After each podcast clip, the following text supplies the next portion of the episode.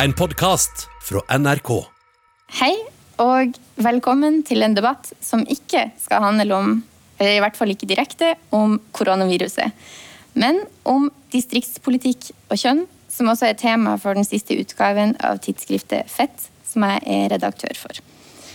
Eh, denne debatten kjører vi i Fett i samarbeid med tankesmien Agenda. Inn i varmen, milevis unna den urbane metoo-eliten, het det i over to år gammel Dagsrevyen-innslag om Trond Giske i Surnadal. Det var en formulering som vakte reaksjoner. For det var 10 200 kvinner og 600 menn som signerte metoo-opprop i Norge. Og dekkinga handla både om akademikere så vel som helse- og omsorgssektoren. Elite? Urban? Det var lett å reagere. Så er det altså over to år siden NRK sendte denne sendinga, som de snart senere beklaga. Men setninga har liksom skurra litt inn underbevisstheten min en stund likevel. Uten å skrette en gammel pekefinger på nytt, har jeg lurt på hvorfor var det at formuleringa virka stuerein da sendinga ble laga? Blir ikke kvinner i Surnadal eller i bygdene utsatt for seksuell trakassering, diskriminering eller vold? Svaret på det kan vi jo anta at er jo. Så kvinnesak, feminisme, metoo kan ikke, bør i hvert fall ikke være begrensa til byene. Det skurrer litt når man sammenstiller ord som urban, feminist, elite. Det setter ord på noe som vi alle sammen vet. Flere kvinner enn menn flytter fra distriktene.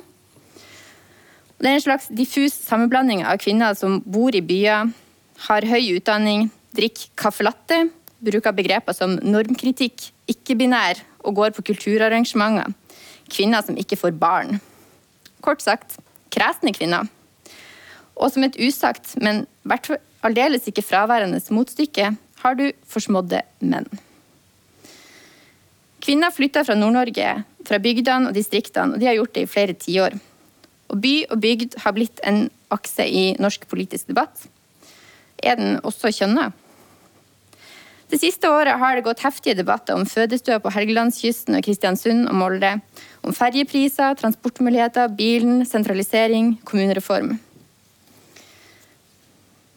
Maria Dyrhol Sandvik, som dere snart skal få høre litt mer fra, har skrevet i en tekst i det siste nummeret av Fett om bygdene sin rekrutteringsstrategi for å få kvinner hjem. Hun skriver at distriktspolitikken har et instrumentelt syn på kjønn. Bygda spør ikke kvinner i fruktbar alder hva den kan gjøre for kvinnene, men hvor mange barn kvinner kan føde på bygda, skriver hun. Og bygda har kanskje et macho-image. Men kvinner var også viktig i de franske gule vestene, og Bunadsgeriljaen tok i bruk tradisjonelle plagg som bunad og nasjonalromantiske motiv, som viste seg slagkraftig i møte med trussel om nedlagte sykehus. I det nummeret som handler om by og bygd, ser vi nærmere på et annet sentraliseringsfenomen krisesenter som blir færre. I fjor sa en krisesenterleder i Troms opp jobben sin som daglig leder fordi hun mente krisesenteret fikk for lite ressurser. Og nå, i disse dager, snakker vi om nettopp om krisesenter av gode grunner, når vi alle sammen er nødt til å tilbringe mer tid hjemme. I kveld arrangerer vi denne debatten sammen med Agenda for å se nærmere på lokalpolitikk, sentralisering, om dagens distriktspolitikk har ei kjønna slagside. Eller burde den ha et tydeligere kjønnsperspektiv? Hvorfor flytter flere kvinner, hvorfor blir flere menn, og hva vil politikerne egentlig? Og ikke minst spør vi er det på tide med en feministisk distriktspolitikk. Det skal vi altså diskutere nærmere nå. Nummeret kan kjøpes i fettbutikk.com. Og eh, nå vil jeg gjerne gi ordet til Aksel Fjellavli, som er rådgiver i Tankesmien Agenda, som skal ta debatten videre. Hei, alle sammen. Alle som er her, og alle som eh, sitter hjemme og eh, ser eller hører på dette arrangementet i regi av Fett og Tankesmien Agenda. Mitt navn er Aksel Fjellavli, og jeg skal styre ordet i denne panelsamtalen som vi arrangerer her på Sentralen i Oslo. Eh, denne samtalen tar utgangspunkt i det siste nummeret til Fett, som har som tema i by og bygd. Eh, men utgangspunktet er også eh, et enkelt faktum, som er det at det er flere kvinner enn menn som flytter fra distrikter og inn til byer. Og hvis det er sånn at det skjer i stort monn, eh, så får jo det konsekvenser for hvordan både lokalsamfunn og hvordan samfunnet i stort blir seende ut. Og hvis vi bruker kjønn som et sett med briller til å se på sentralisering, på debatter i offentligheten om bykultur og bygdekultur, eh, på lokalpolitikk, hvordan bilde er det da som tegner seg? Og det er det vi skal bore i i den nærmeste timen. Eh, vi har med oss et eh, eminent panel som sitter her med eh, passende avstand fra, fra meg. Vi har Heidi Nordby Lunde, som er stortingsrepresentant fra Høyre. Vi har Aud Hove, som møter på Stortinget fra Senterpartiet nå. fra Oppland fylkeskommune, som også er fylkesvaraordfører i Innlandet fylkeskommune. og så har vi dessuten med oss Maria Dyrhold Sandvik, som til daglig jobber som journalist i Klassekampen. Eh, men som også er fordi at eh, du har skrevet i eh, det siste nummeret av Fett om nettopp det temaet som vi skal snakke om i dag, om kvinner og om distriktspolitikk. Og jeg hadde lyst til å starte der, med denne teksten du har skrevet, Maria. Og der du skriver at kvinner ofte blir sett på som et middel og ikke som et mål i distriktspolitikken. Mm. Jeg tenkte å begynne med å spørre, hva, hva, mener du egentlig med det? Hva er liksom observasjonen? Nei, um, altså, Jeg skrev en tekst om dette for første gang for fem år siden. Og det var egentlig basert litt på en sånn følelse av at jeg var sjøl en som hadde flytta fra bygda til byen, da, til Bergen på det tidspunktet. Og så liksom tenkte jeg litt på hvorfor hadde det blitt slik, og og um, eh, hvorfor er det sånn at veldig mange kvinner, unge kvinner flytter fra distriktene for å ta høyere utdanning og ikke kommer hjem? Og hadde også merka meg at eh, Møre og Romsdal fylkeskommune hadde blitt veldig opptatt av denne problematikken. De hadde begynt å etterlyse kvinner i fruktbar alder. Eh, og da fant jeg ut at eh, det også var satt i gang et forskningsprosjekt på Møreforskning Eh, om hvordan eh, kommunene kunne rekruttere kvinner tilbake. Og Det var egentlig de som konkluderte med at um, i distriktspolitikken skal vi se, Hva var det de skrev? De skriver at altså dette her er altså forskerne Marte Iskødegård og Marit Grimsrud fra Møreforskning som skriver i 2014 at Auka likestilling mellom kjønna har aldri vært et sentralt argument for kvinnesatsing i distriktspolitikken. Det har ikke vært noe uttalt mål at en skal satse på distriktene for kvinnenes skyld eller for likestillinga skyld. Altså det var Stort sett var det snakk om kvinner i den forbindelse at at folketallet gikk ned, ble født færre barn, og hva kan, man gjøre for å snu den trenden. Og Veldig ofte var det mannlige politikere som snakka om dette, her, at kvinner i fruktbar alder drar fra fylket og kommer ikke hjem. Um, så, så, det var egentlig det jeg skrev for fem år siden, og som jeg skriver litt om i Fett denne gangen også. Veldig bra at man tar det opp, da. Um, så ja, det var vel det mm. jeg mente. Mm. Jeg kan spørre deg, eh, fra Innlandet det er jo, eh, Innlandet er jo mye forskjellig, men det er også kommuner som blir fraflytta. Um, kjenner du igjen denne eh, liksom instrumentelle tilnærminga i den forstand at man snakker om at Eh, folketall går ned, og det er liksom i den eh, diskursen man, man snakker om, om, eh, om, kvinner? Nei, jeg kommer jo fra ei uh, lita bygd, Skjåk, som da ligger nesten på Vestlandet. Uh, og fraflytting hadde vært lenge, men oss prater om de unge. Vi prater ikke om kvinner, at vi skal ha jentene hjem igjen, men at vi vil ha de unge.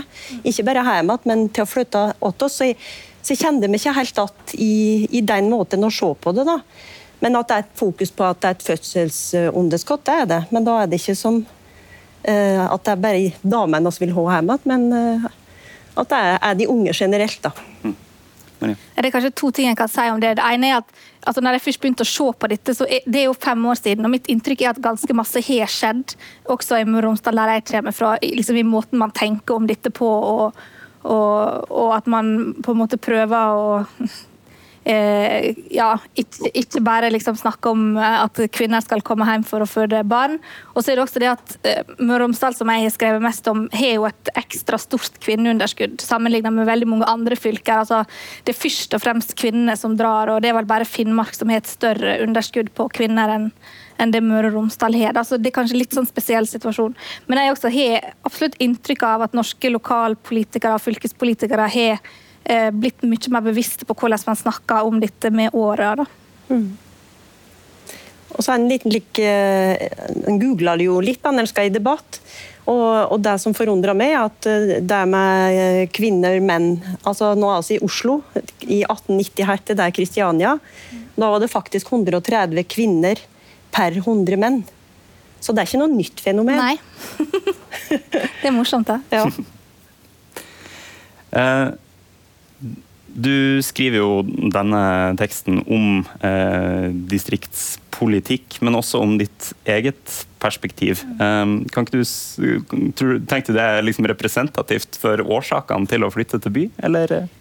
Jeg, ja, altså jeg tror at jeg er ganske representativ på den måten at jeg var jeg gikk eh, på allmennfag videregående, og etter det så var det naturlig å søke seg til høyere utdanning. og Vi fikk jo beskjed på en måte om at vi skulle velge etter interesse. og det vi var på en måte mest interessert i på skolen, så For meg ble det valget statsvitenskap, og da drar man jo ofte til Trondheim, Bergen eller uh, Oslo. Og jeg dro jo først til Bergen og senere til Oslo, da. Og jeg, I hvert fall i løpet av min oppvekst og mine tenår, så var det egentlig aldri noen som, som snakket med meg eller med, om, med, oss om at hvis vi ville bli altså hvilken utdannelse eh, krevdes det hvis vi ville bli værende, på en måte, og at eh, de yrker og industriene som eh, på en måte, der det er hva man skal si, karrieremuligheter da, i Møre og Romsdal, på en måte fridde aldri til oss. da. Eh, sånn at det, Jeg føler at vi ble sluppet veldig lett da, ut og da er det jo mye vanskeligere å få oss tilbake. ikke sant? Um, samtidig så har jo jeg lengta veldig masse hjem, liksom, og det har jo vært veldig mange ganger jeg har liksom tenkt på om jeg skal dra tilbake, men for hvert år som går og hvert år med utdannelse, så på en måte blir kanskje avstanden uh, større og større. da, Eller det valget om å flytte tilbake blir større og større. Sånn at um, ja, det har liksom vært veldig ambivalent. Altså, jeg har aldri, følte aldri at jeg liksom tok et aktivt valg om at jeg aldri skulle reise tilbake. Liksom. Det ble litt sånn. Og etter at jeg skrev den første teksten om dette for fem år siden, så har jeg fått utrolig masse tilbakemeldinger fra kvinner på min alder fra hele landet liksom, som eh, sier at de har tenkt det samme. Da. Så den urbaniseringen, og spesielt blant kvinner, tror ikke jeg nødvendigvis er så tror ikke folk er så bevisst på det alltid. da. Eh, det er også en forsker som har skrevet om eh, utkantjentenes stille revolusjon. Nå kommer jeg ikke helt på hva han heter akkurat nå, men eh, der han liksom snakker om at bygdejenter Han sammenligner det litt med innvandrerjenter. da. At de tar på en måte ofte mer utdanning og satser mer på skolen enn det jevnaldrende gutter gjør, og, og også jevnaldrende jenter i byene. Da. Fordi at uh, utdanning er en måte å på en måte realisere seg sjøl på. Uh, og gi seg sjøl muligheter som man kanskje ikke har i, i, utgangspunktet føler at man har i lokalsamfunnet. Um, det syns jeg er ganske interessant. Mm. Heidi, du er jo stortingsrepresentant ikke bare fra Høyre, men også fra Oslo. Tenker du at storbyene storbyen har en kjønna tiltrekningskraft? Hvis det er flere kvinner enn menn som flytter til byen? Det har jeg for så vidt ikke tenkt på, men jeg har reflektert over hvorfor, hvorfor er det sånn. Når dere skriver, eh, og som Hanne også var inne på, eh, at dette her er jo en, eh, altså en trend gjennom flere tiår, så er det både riktig og feil. Altså det er jo faktisk en trend gjennom et, over et hundreår, mm. som Aud også var, var, inne på. Og da tenker jeg mer på at folk flytter fra distriktene og inn til bysentra, ikke nødvendigvis de store byene. Så følte jeg meg litt, litt truffet når, når Hanne snakket om caffè latte-drikkende grünerløkkeværinger uten barn, for jeg er jo en av de, så jeg blir jo litt sånn ondskapens ansikt da, i, denne, mm. i denne debatten. Men jeg tror nok at uh, vi kanskje nå ser uh, i disse koronatider, jeg hater mm. å si den setningen, men gitt at vi sitter som vi gjør og har mm. denne debatten på denne måten, at vi kanskje kan se et veiskille også der. Mm. Fordi Jeg tror det er, jeg leste teksten din og jeg synes den var veldig, veldig god. Jeg tror det du sier om at det ikke nødvendigvis er en bevisst tanke eller et valg mm. du tar når du drar ut, men faktisk noe som eh, du velger etter hvert som du har vært eh, hjemmefra lenge. Og at vi nå kanskje søker sammen i andre typer fellesskap og til andre typer verdier, eller kommer mm. tilbake igjen til, eh, til grunnfjellet vårt. Og, og, og gjennom bl.a. digitalisering kan få lov til å ta utdanning, eller kan få lov til å få muligheter nærmere der vi har vokst opp, enn det vi har gjort fram til nå. Men på den annen side, når du spør om det har en kjønna tilnærming, så er jeg litt sånn jeg definerer meg som uh, både feminist, men også liberalkonservativ. Og veldig ofte så kan jeg godt begynne med kjønn, for det kan løfte noen problemstillinger. Men ofte så kommer jeg tilbake igjen til individet, og at uh, kvinnefrigjøring for, for meg handler også om mannefrigjøring og individfrigjøring. At vi kommer ut av båsene våre. Og Sånn er det også litt med den tilflytningen til byene. fordi jeg syns Henrik Asheim hos oss sa det så pent uh, en gang. Altså Hvis man reiser rundt på homobar i Oslo, så vil man finne at veldig mange av de som er der, snakker dialekt. Og det er en grunn til det. Man kommer til byene fordi at du finner dine egne miljøer, eller rett og slett finner dine egne. Og du finner eh, sammen i et mangfold som du ikke får alle andre steder. Så vi skal liksom ikke undervurdere å snakke ned kvaliteten i byene, selv om vi selvfølgelig også må ha arbeidsplasser og verdiskaping over hele landet. Mm. Maria? Nei, altså, øh, jeg er helt enig. Selv om jeg tror det har blitt lettere å være både kvinne og homo på bygda nå enn det var også bare for ganske få år siden, faktisk. Um, og jeg synes også det er interessant det der med hva, hva både denne koronakrisa og klimakrisa vil gjøre med hva folk tenker at det er best å leve og bo. Um, det er jo ingen tvil om at store deler av distriktene vil på en måte tape ekstremt masse på den krisa som vi står oppe i nå, altså denne koronakrisa og vil trenge på en måte stor hjelp der, liksom. Men det kan, det kan skje ting i folks bevissthet som gjør Altså, jeg har i hvert fall lengta ekstra hjem nå, må jeg si. Når man sitter liksom litt sånn der innestengt i en 70 eh, uh, uten hage, liksom, når man kunne hatt det og sånn. Men, um, men jeg tenker at ja, hvis man mener at det er viktig å ha bosetting i hele landet, så er dette også en viktig problemstilling. Og uansett uh, hvorfor, liksom, hvordan man skal få kvinnene hjem, så kommer ikke det til å bli fordi øh, distriktene trenger flere barn. Det kommer til å være fordi det finnes gode liv å leve der, og gode arbeidsliv å leve der. Mm. Ja, for, for, det lurer jeg litt på. Vi, vi på en måte kan på en måte konstatere at ting er sånn, og, og, kanskje har det vært sånn kort, kanskje har det vært sånn mm. lenge. Du peker på at kanskje har det Eh, rett og slett vært sånn ganske lenge. Men gjør det noe eh, om det er sånn at det flytter mer kvinner enn menn inn til byene? Og underforstått, er det et politisk spørsmål? Eh, I, leng, altså I, det lange løp så, så, gjør det jo noe. For oss ser jo det at det er fraflytting fra Det, er et balansepunkt her. Men jeg tok etter at jeg ble invitert til å være med her, så tok jeg kontakt med flere av mine yngre venninner både som har vært og bo i Skjåk, eller som har flyttet tilbake. Det var i Lom og Skjåk jeg tok kontakt. Og I dag så har jeg prata med ei som eh, er i Ringebu. Som har eh, Først tok hun en bachelor i eh, London, og så kom hun tilfeldigvis fikk hun en jobb med å jobbe med attraktive bosted i Ringebu. Det er en liten landsby, da, landsbyprosjekt. Så reiste hun til Amsterdam og tok en master i kommunikasjon, og nå er hun er hun leder i næringsrådet i Midt-Gudbrandsdalen. Og det hun sa, da, det er at, eh, at hun hadde jo lyst til hjem.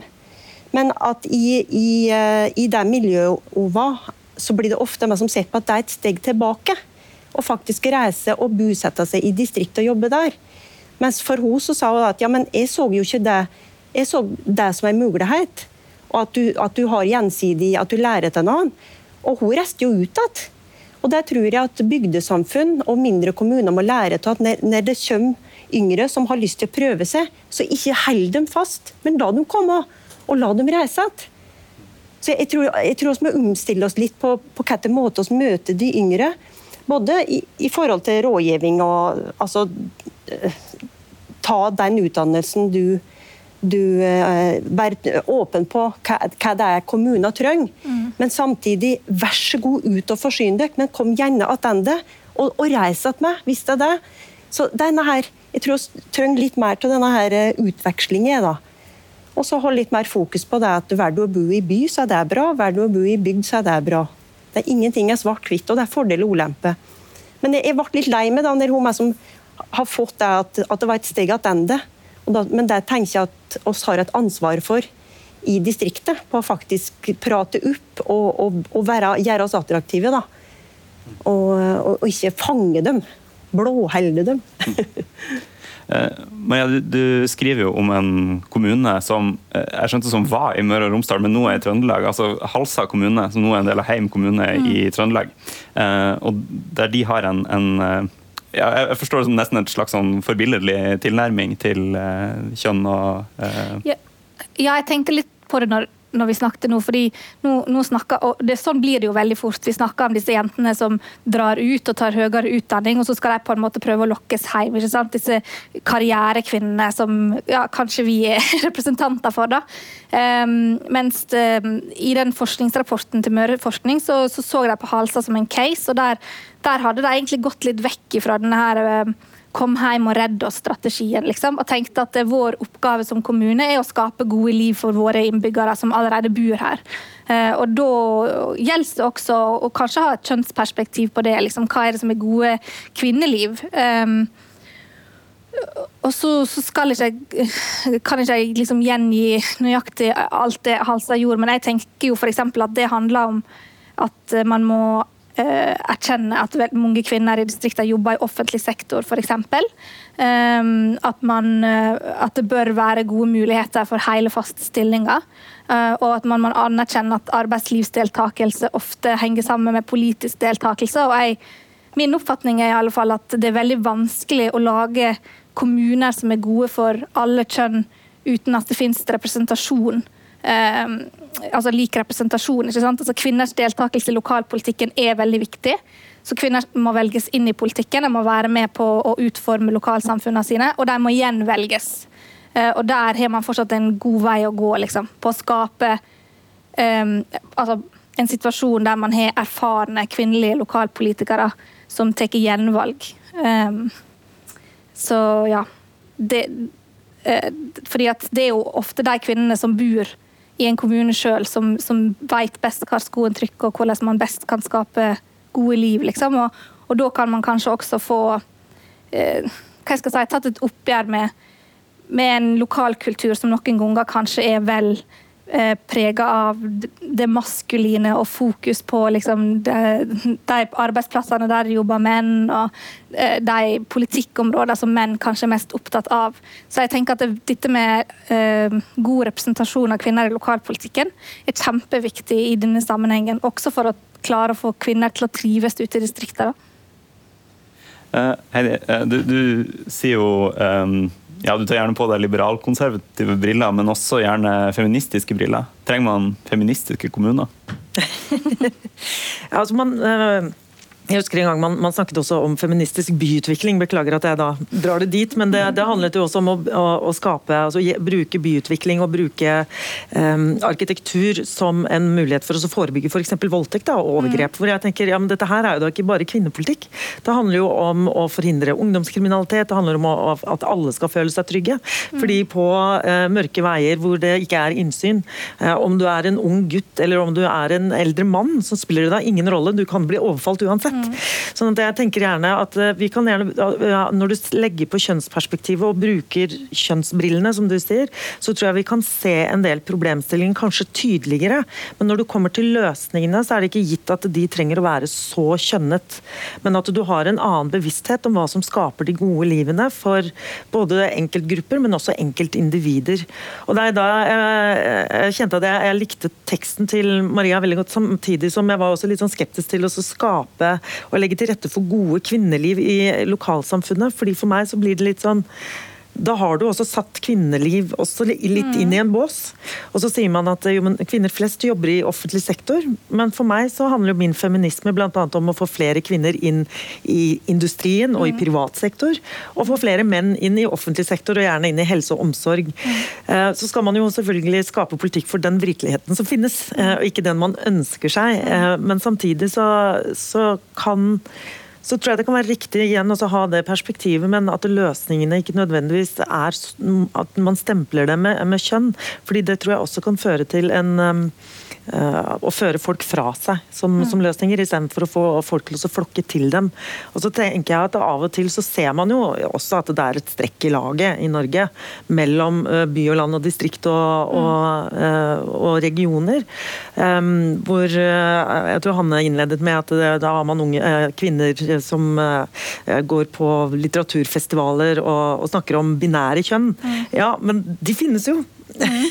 og uh, på bygda og mange steder så føles det veldig fremmedgjort. Mm. Man kjenner seg ikke igjen i hverandre. og Sånn kan det også bli hvis man legger altfor mye vekt på at man skal ha en kjønnet kommunepolitikk eller feministiske kommuner. Så er jeg ikke helt sikker på om du klarer å samle det laget lokalt som du trenger da, for å løfte fram de problemstillingene. Mm. Du, du, er inne på noe veldig interessant synes jeg, der om, om liksom det kjønn, altså Arbeidsmarkedet er jo kjønna. Eh, mm. Kvinner velger litt andre yrker enn det mm. menn gjør. og Hvordan svarer man på det politisk? Altså, hvis man ser på en del av de jobbene som er ryggraden i mange eh, distriktskommuner, så er jo det eh, matproduksjon, det er industri, det er Forsvaret. altså En del sånne typer yrker. og i hvert fall tradisjonelt har jo en del av de hatt et litt sånn maskulint image. Eh, så, så, spørsmålet mitt er litt sånn åpent. Eh, bør man legge til rette for større rekruttering av kvinner til disse yrkene, eller skal man eh, sørge for eh, mer kommunale arbeidsplasser i, eh, i distriktskommuner? Um, ja, du meg. Ja, først en kommentar. for jeg tenkte du, Dette med å velge tradisjonelle yrker dette å få jenter til å velge uh, mannsyrke og omvendt, der tror jeg faktisk byene og bygdene er nokså like. For det er ikke mange kvinnelige elektrikere eller rørleggere eller bygningsarbeidere i byene heller. Så, så, der er det nokså likt. Men så er det dette der at uh, fordi at for å ta høyere utdannelse, så må du inn, nødvendigvis inn til en by. og Hvis du er der både fire, fem og seks år, så får du et nettverk. og Så treffer du, blir kanskje partneren din i, i sommer. Og da er det jo arbeidsplasser som skal til, både for det og partneren. Om det da er mann eller kvinne eller kvinne, kvinne, mann, mann, var det ikke det kongen sa? så, så forskjellen på en måte ligger der. Men, så, men, det du sier da med tradisjonelle yrker, for det, det er meg litt eh, artig, fordi innenfor landbruket, den gangen landbruket var slik at det var et familie, mer et familiebruk, der både menn og kjerring eh, jobba der, så var det jo ikke et mannsyrke. Og det var jo ofte eh, kona, eller kjerringa som jeg sier, da, som drev i fjoset. Og så var det menn som reiste rundt og fikk æra for avlen og, og, den biten. Så allerede der. Men, eh, men men, sånn, hvis en skal, skal, få folk til å bosette seg, så må det være Kommer du som et par, så må det være jobb åt begge. Og Da kan det kanskje være det offentlige, men jeg tror det at eh, det var så vidt du var inne på det, Heidi, dette her med um, uh, entreprenørskap. Altså gründer. Og, og, dette her, og Der tror jeg noe som vi kunne satsa på og fått enda flere jenter til å, å tørre å ta det steget til å, å logge sin egen arbeidsplass. Ikke mm. bare være arbeidstaker, men være arbeidsgiver med i tillegg. Og, men alt du skal bli god på, må du trene på. Uh, og Mange kommuner er flinke på dette, men, uh, men, det er ikke gjennomført. Så jeg tror at, uh, at skoleverket, utdanningen vår, trenger å ha mer fokus på den biten. Og, og at vi har litt mer ja, Nå er jo jeg i fylkeskommunen med regionale utviklingsmiddel ja, nå hadde jeg ikke hatt så mye av det, men eh, i hvert fall at vi tør å sette av skilling, som vi sier sjåk, penger, til å være med og, og backe opp for å få til de. For at oss kan ikke bare satse på det offentlige for at bygdene skal overleve. Vi er nødt til å ha en likevekt mellom eh, det private næringslivet og, og det offentlige. Ja, jeg, er helt enig, helt enig, i det. og Det er det som er problemet med at man ofte snakker om eh, det jeg vil kalle partnerarbeidsplasser. og Ofte er jo det at mennene kommer inn i industrien, og så må du gjerne da ha en arbeidsplass til partneren. Er det riktig da at det offentlige skal finne opp en jobb, sånn at damene har et sted å være på dagtid og tjene litt til egne inntekter? Da er vi jo tilbake på 50-tallet, eh, og, og knapt, nok, knapt nok det. Så jeg tror du, du har helt rett, er at du legger til rette for gründerskap. Vi vet jo også at, at at man gründer ofte på ting man kan. Og det kvinner uh, har en bakgrunn i, er ofte helse og omsorg. Men det er veldig lite gründerskap man har lov til å drive med f.eks. innen helse og omsorg, særlig i disse dager hvor man blir kalt for velferdsprofitører. Hvis man starter private barnehager eller uh, omsorgsselskaper eller hva det måtte være. Så, um, men på den annen side, man kan jo se på kommunesammenslåinger som en positiv ting. Da. Hvis det har frigjort plass på en del kommunehus fra, rundt omkring, så burde jo det være en fantastisk mulighet til å tilby relativt billige lokaler for å ha gründervirksomhet i, i nærmiljøet, men det skal ofte litt mer til enn det. Fordi det er veldig sjelden at du bare starter med to tomme hender. Du har gjerne en ballast med deg, en kompetanse med deg som du gjerne vil ha inn. Og Har du studert seks år med statsvitenskap da, og kommer til Skjåk, så er det ikke gitt at den såkalte kvinnearbeidsplassen eh, er der i offentlig sektor heller.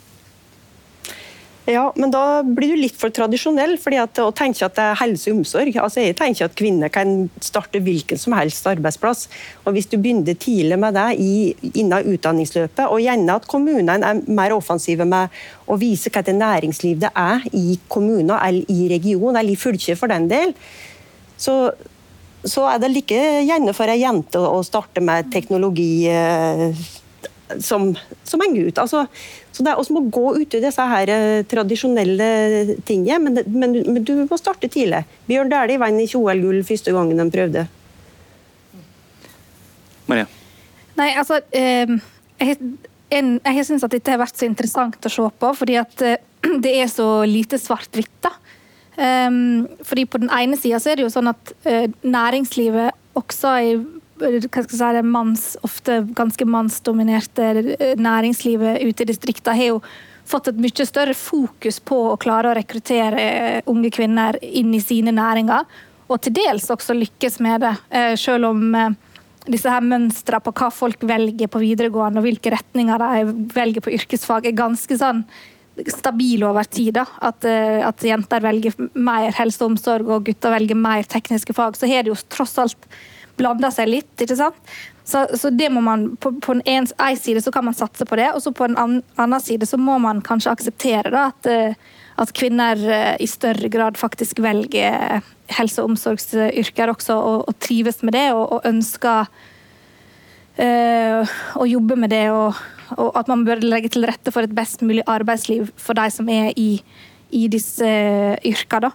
Og det er liksom sånn, når man, når man ser på hva hva et sånt kjønnsdelt arbeidsmarked gjør med distriktene også, så tenker jeg liksom at på den ene sida så må man jo eh, akseptere distriktene sin egenart, liksom. Altså at et, en, en, distriktskommune langs vestlandskysten kan ha et ganske mannsdominert næringsliv eh, og en ganske mannsdominert politikk, for så vidt også. og og en, en, deltidskultur blant kvinner. ikke sant? Og så kan vi på en måte tenke at eh, det bør man umiddelbart gjøre noe med, men kanskje må man også akseptere til en viss grad at noen har litt andre verdier eh, enn oss. da.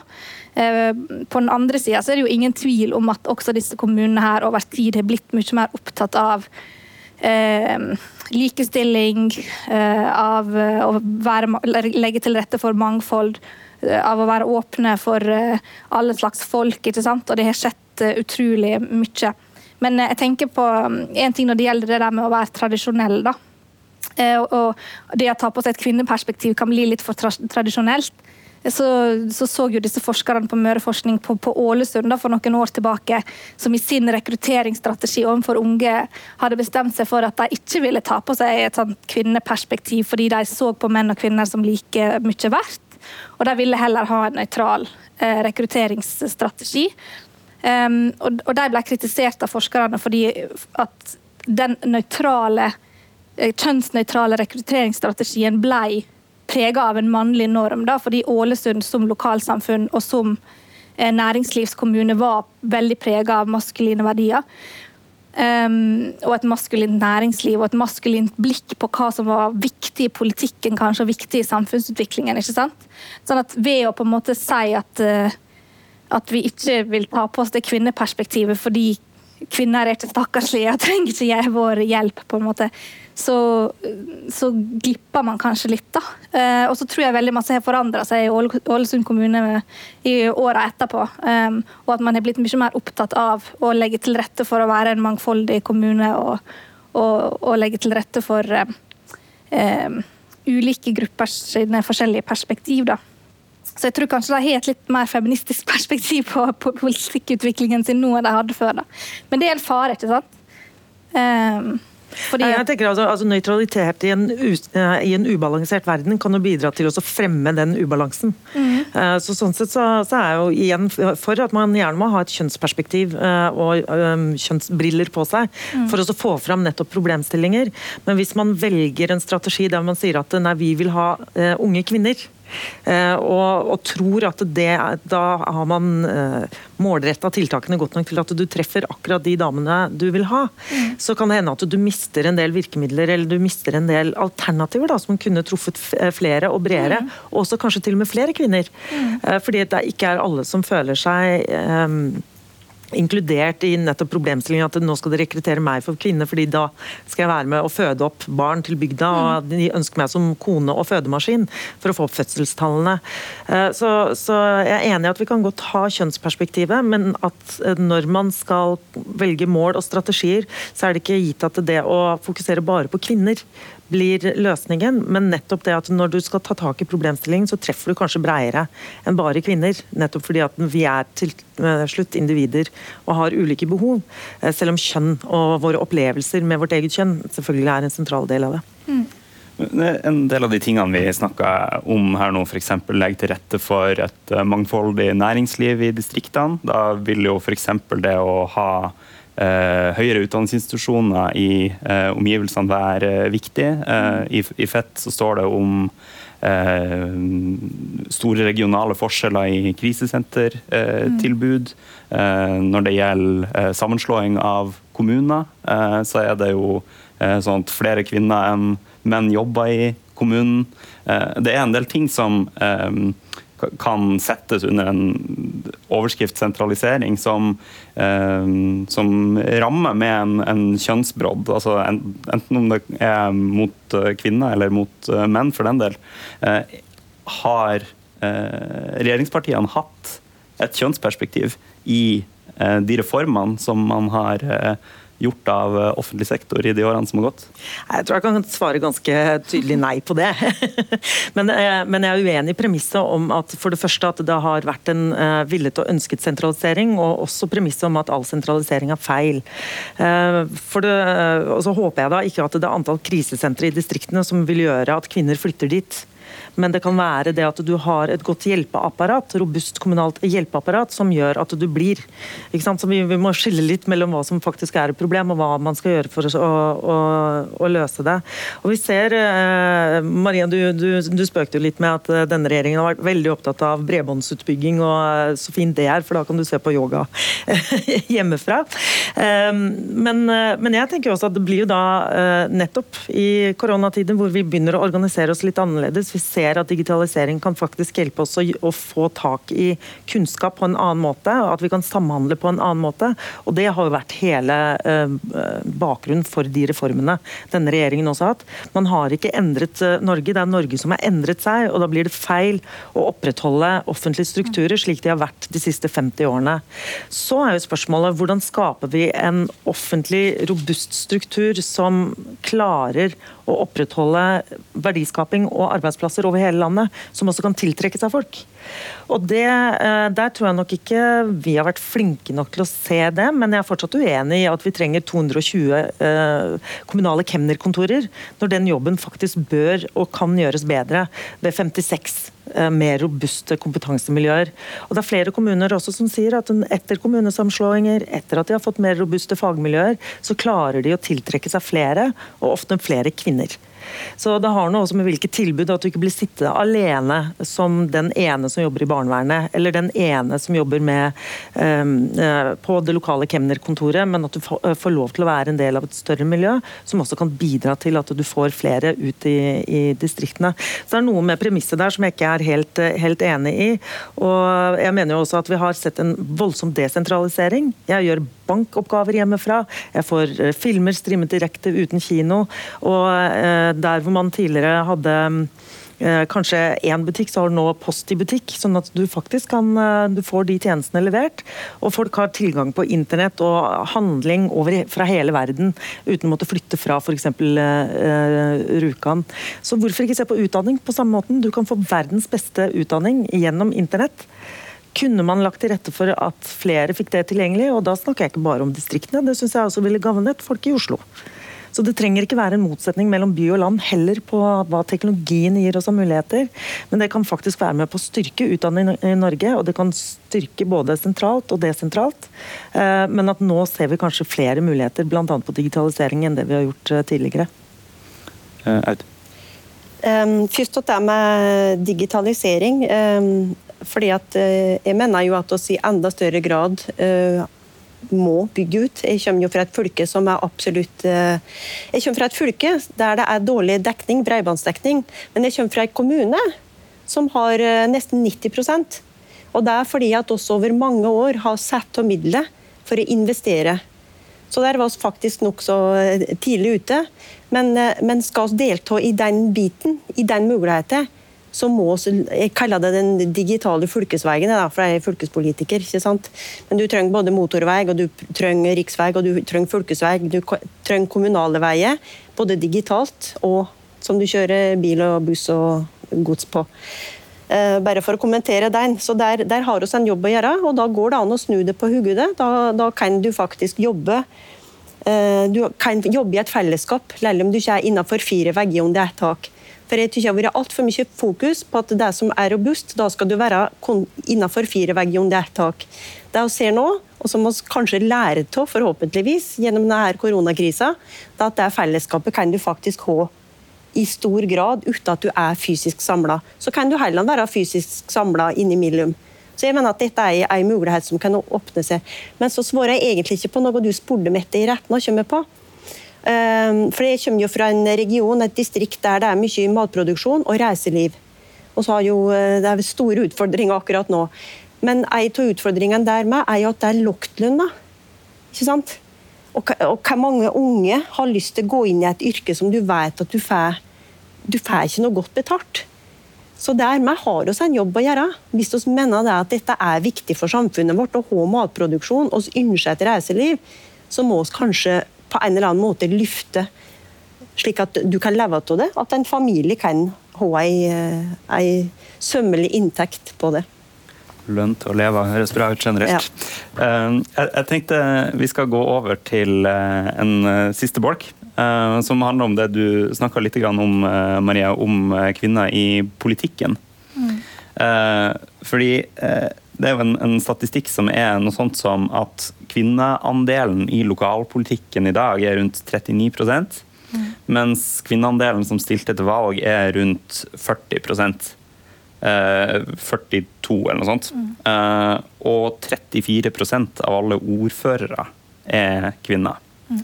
Er det der løsninga ligger? I å rekruttere flere kvinner?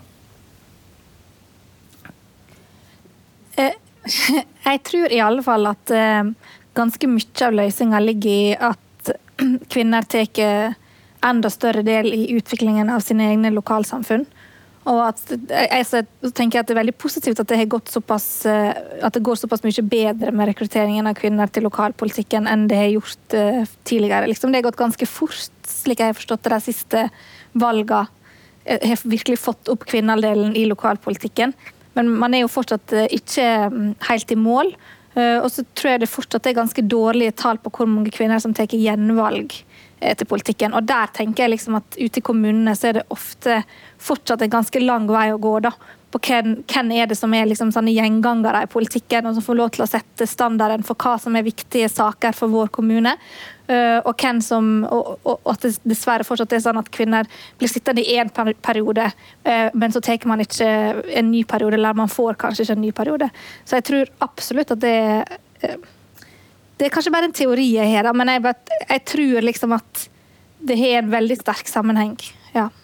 Men kan, kan, ikke, kan, ikke, jeg som mann ha som hjertesak at Bodø kommune skal være Norges beste kommune for kvinner? Jo, absolutt.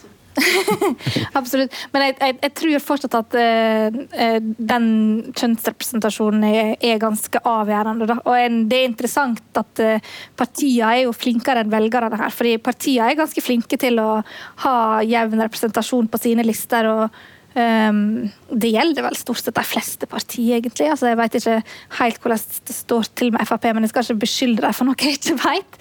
Men altså, velgere, både kvinnelige og mannlige velgere, har en tendens til å prioritere mannlige kandidater foran kvinnelige kandidater gjennom dette personvalgsystemet som vi har i Norge. Uh, så, så det, det gagner menn mer enn det gagner kvinner. Ehm, jeg snakket med forskere på Rokkansenteret i Bergen om hvorfor de trodde det var slik, og de mente at det, det hadde nok sammenheng med at ehm, eh, erfaring blir satt veldig høyt i lokalpolitikken. Kanskje nesten mer enn i nasjonalpolitikken. At velgere vektlegger erfaring som veldig viktig.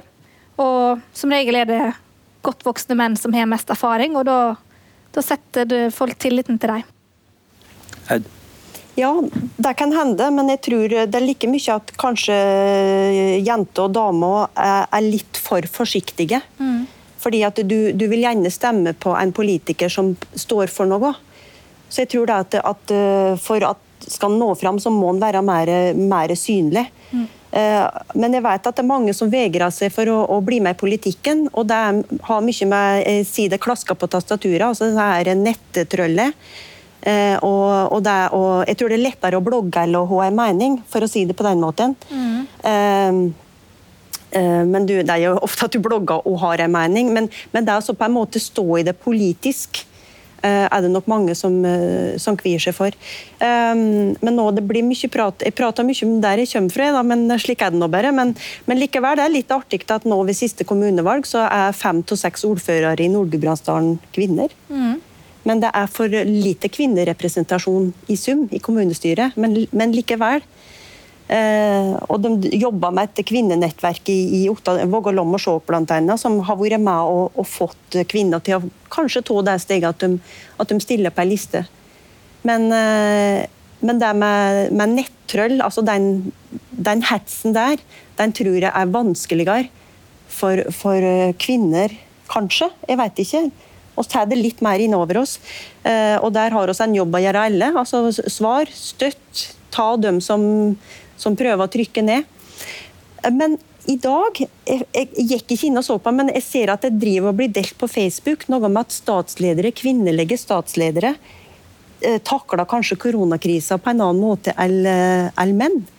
Jeg har ikke vært inne og lest på det, men det, det, var litt interessant. For det har noe med at vi trenger både det maskuline og det feminine. Og det kan hende at oss kvinner tenker på en litt annen måte på hvordan vi skal løse utfordringer. Akkurat den statusoppdateringen er eh, hva, hva, er fellesnevneren mellom de landene som har taklet uh, koronakrisen best?